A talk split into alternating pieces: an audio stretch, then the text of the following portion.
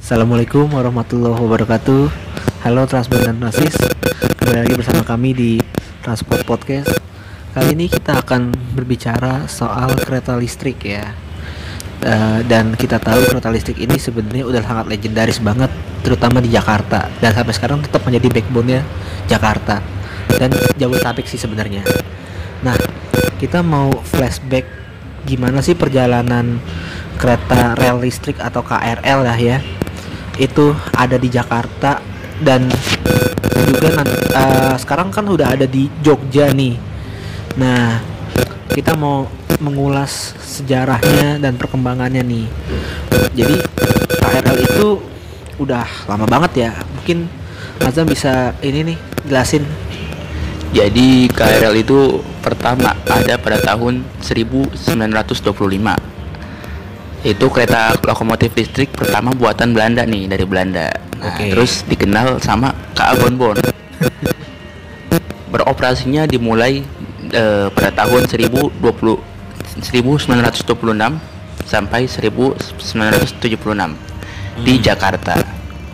Nah, saat ini nih KA Bonbon, biasa dipanggil S Bonbon, dipelihara di Balai Yasa Manggarai. Dan itu hanya difungsikan untuk kegiatan ter- tertentu. Ini jadi nih eh, S Bonbon ini nih, KA Iya. Bonbon ini itu cikal bakal munculnya KRL di Jakarta. Malahan lo- lokomotifnya dulu gitu ya. Iya, lokomotifnya dulu. Oke. Lanjut, Nah, lanjut. lanjut tahun 1976. Iya. Nah, itu kan ada kereta lokomotif yang tadi tuh udah mulai tua ya dimakan usia. Nah, itu digantikan oleh KRL dari Jepang. Udah mulai dari Jepang tuh. Berarti es bonbon dikonserv dikonservasiin. Iya. Lanjut. Lanjut medio tahun 1976 sampai 20- 2006. Oh. Nah itu tau lah ya Transpro dan Transis para penumpang masih ya naik ke atas lah. Itu yang biasanya sih KRL ekonomi berebut tuh naik gerbong lewat jendela Iya. pedagang juga ya bebas lah masuk ke dalam gerbong Iya. jualan lah ya pasti Transpro dan Transis pernah ngerasain lah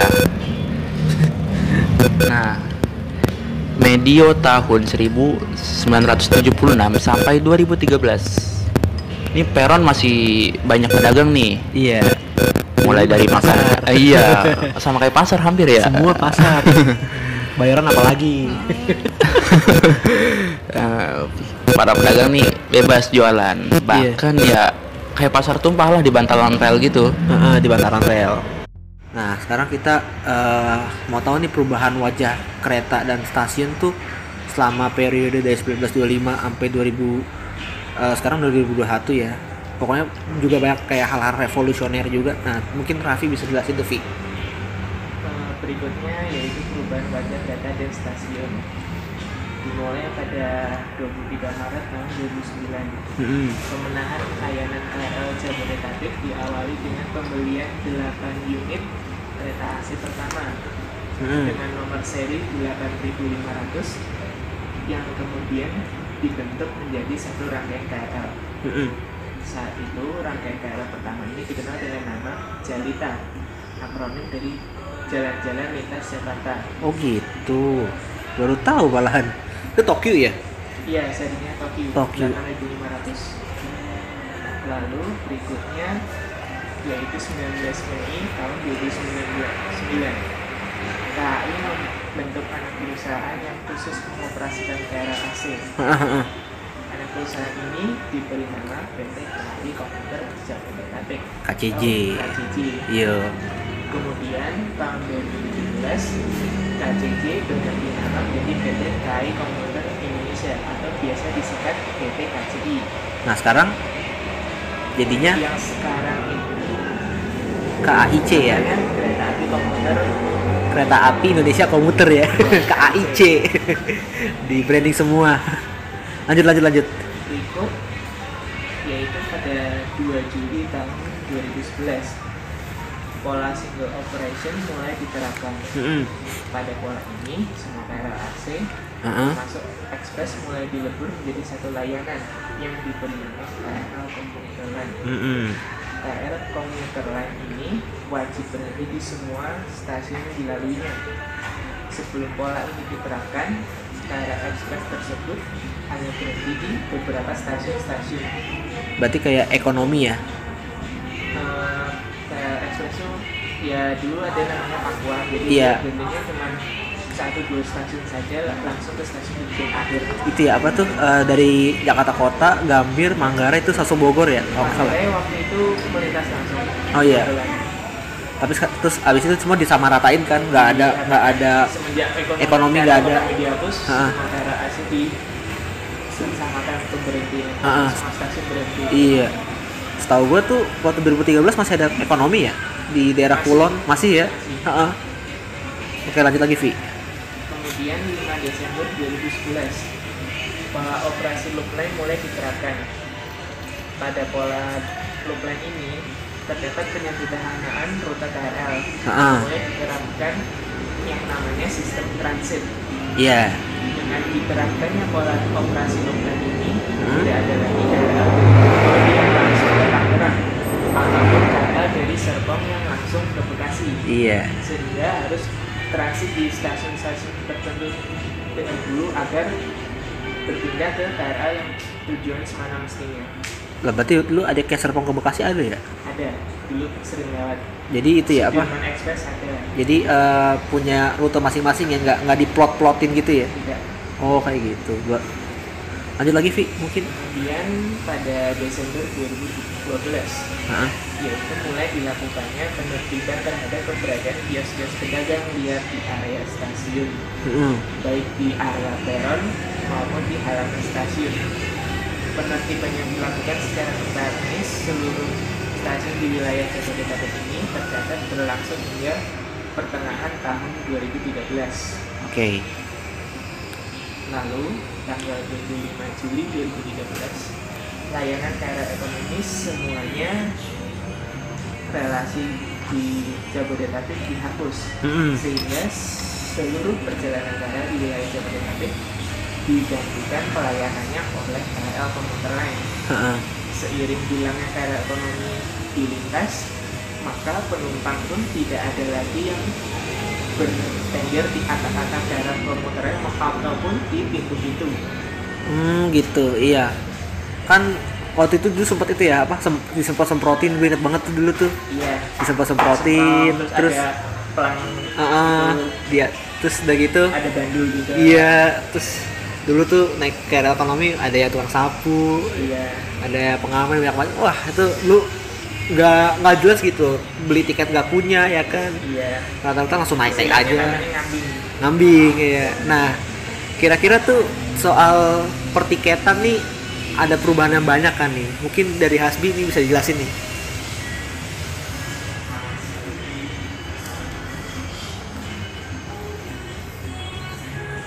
Jadi eh, kalau pertiketan ini eh, tahun 2013 Iya. KCJ sendiri Iya. eh, udah nerapin sistem tiket elektronik. Nah, tiket elektronik ini ngegantiin tiket kertas yang sebelumnya dipakai. Nah, jadi eh, K- KCJ ini ngenalin dua tiket elektronik, yaitu single trip sama multi trip. Nah, kalau multi trip ini ya kita tahu sendiri lah itu yang bisa buat yang bisa diisi saldo. Nah, apa nih eh, kalau single trip sendiri itu dulu belum ada MPP single tripnya. Iya. Ingat banget gua tuh. Iya, iya. Nggak bisa Jadi- THBPP. Nah, nggak bisa THBPP. Jadi cuma sekali perjalanan Iya, ter- sampai stasiun tujuan ngantri lagi. Antri lagi, isi lagi. Isi lagi. ingat batu ingat gua. Nah. 2015 masih ya? 2015 masih. Iya. Eh, tahun 2013 itu ingat banget gue, gue masih nyimpen kartunya di rumah sih. Itu Iya. single tripnya itu tulisannya kartu ini milik PT Komuter Jabodetabek. Iya, ingat ingat. Polosan gitu Masih doang. putih. Masih putih. Polos. Terus terus terus. Nah, habis itu eh, tahun masih tahun 2013 KCJ eh, uang jaminan nih memperlakukan uang jaminan. Nah, deposit. Deposit 5000 Heeh. Nah, itu eh, jangka waktunya itu seminggu kalau nggak salah. Iya. setelah seminggu kadaluarsa Hmm. soalnya itu kenapa dibikin begitu soalnya eh, banyak kartu single trip yang nggak dikembaliin ke KCJ Heeh.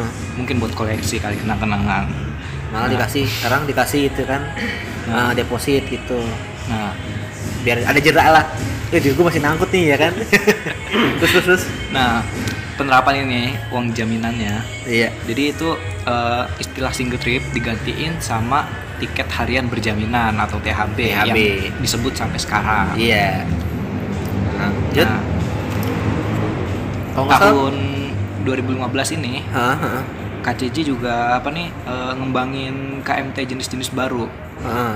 Ingat nih, eh, ini banyak orang-orang yang Lupa berebut, ngerebut, ngerebutin ini ngoleksi KMT-nya ini. Apa tuh? Bentuknya ada gelang, Nah, iya, stiker, itu. gantungan kunci. Iya iya iya iya, inget inget. Inget banget itu. Kalau yang apa nih, rocker-rocker zaman dari zaman dulu sih pasti udah akrab sama beginian. Harusnya simpen tuh. Cuma itu apa ya? Yang tiket gelang tuh bentar doang ya keberadaannya. Bentar doang kan. Terus habis itu udah hilang gitu, balik Kalau- kartu lagi. Kalau nggak salah tuh dulu tuh tiket gelang itu banyak yang bermasalah sih. Oh gitu. Oh, oh. Gampang hilang gak sih?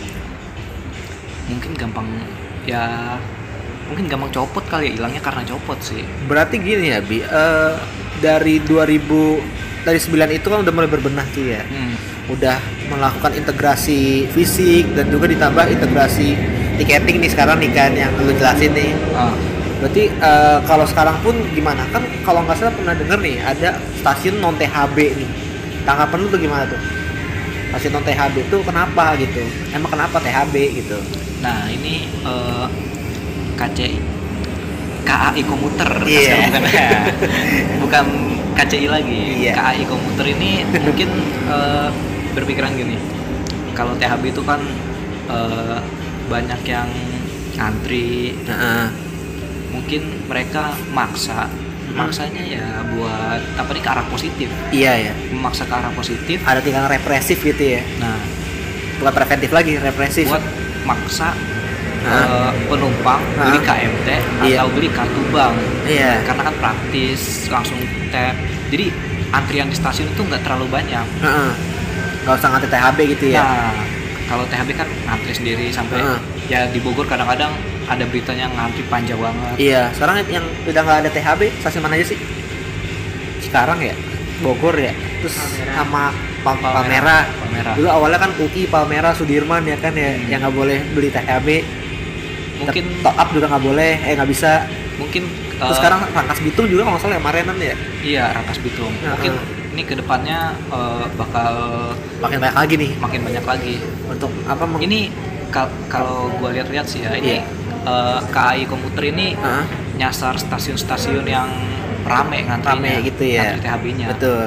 Makanya diperlakukan gitu. nah jadi ya untuk apa mengajak orang pakai kartu bank gitu yang misalnya multi trip lah ya bisa Nah. pakai bolak balik nggak usah ribet ngantri gitu nah nah sekarang kita berbicara soal eh, integrasi nih integrasi tadi kan ngomongin tiket dan fisiknya ya. Nah gimana sih kalau integrasi dengan moda lain gitu loh?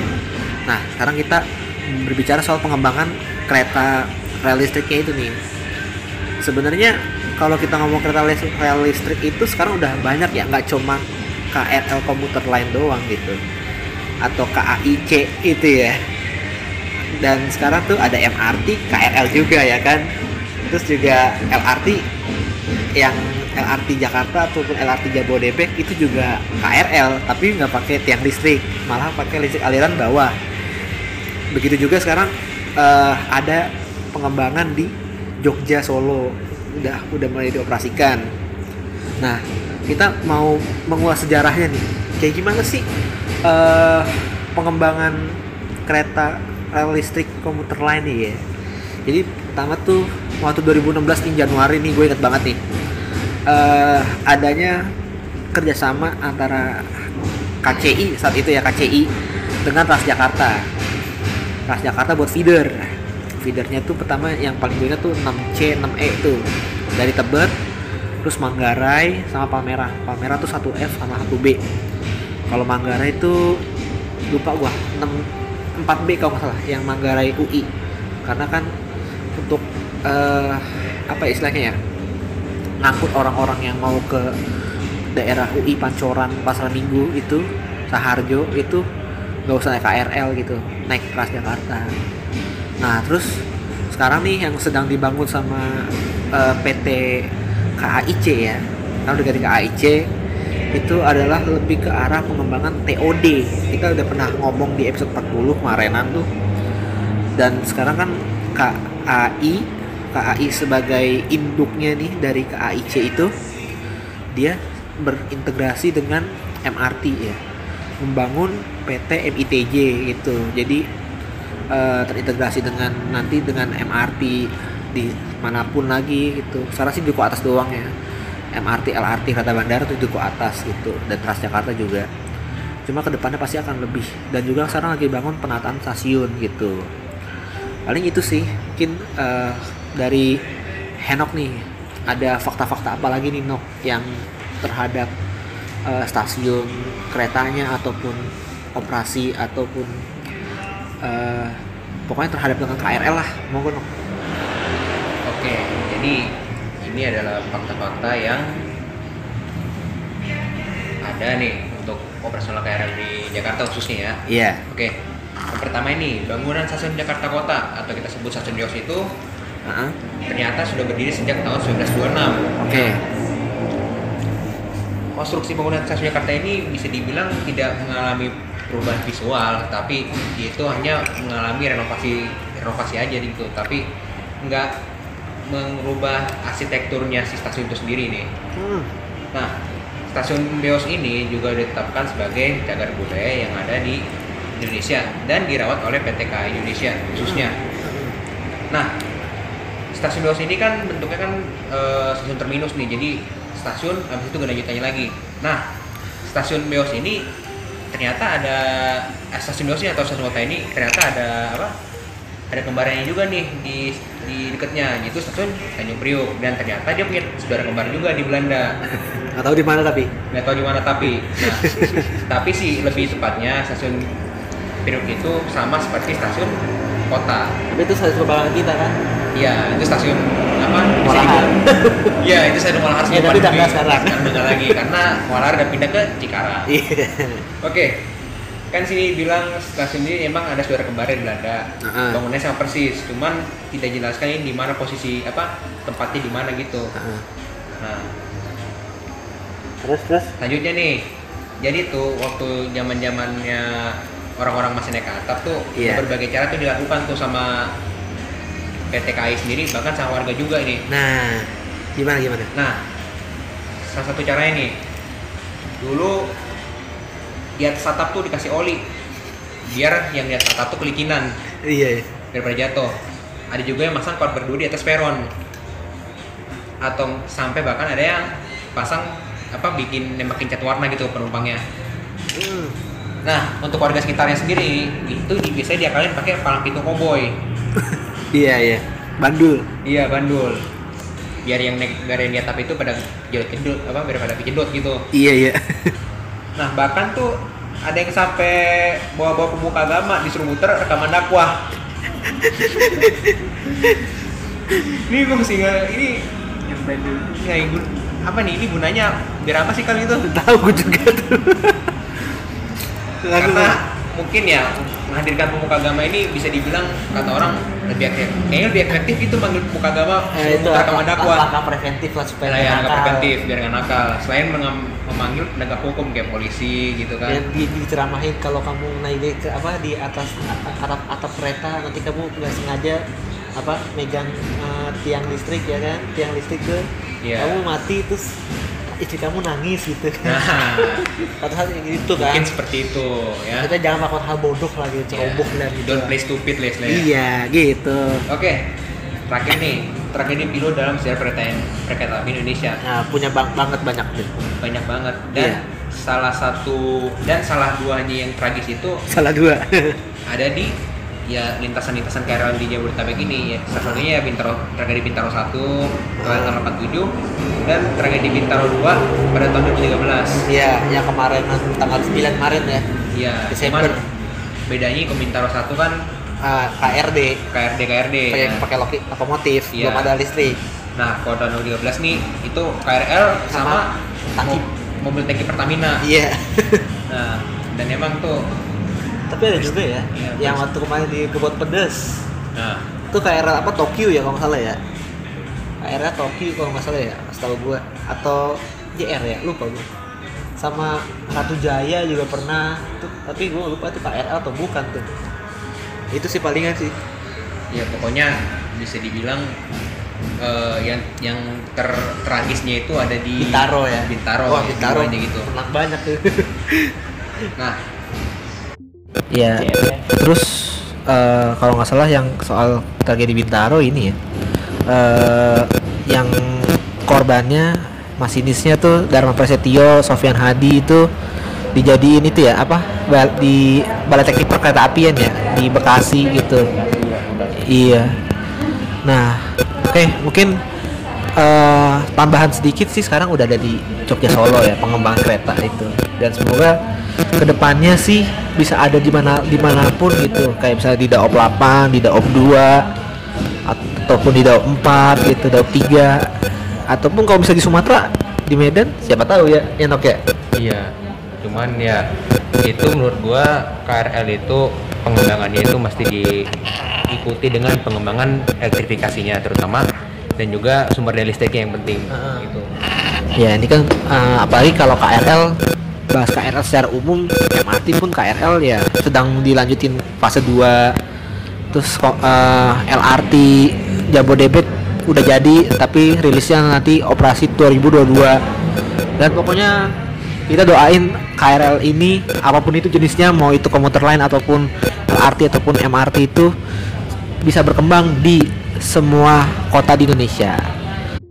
Oke, Transpro dan Transis, terima kasih nih udah dengerin podcast kita, udah ngulik-ngulik soal KRL, sejarahnya, dan perkembangannya. Iya. Tetap jaga kesehatan ya. Mohon maaf jika ada kesalahan dari kami. Assalamualaikum warahmatullahi wabarakatuh.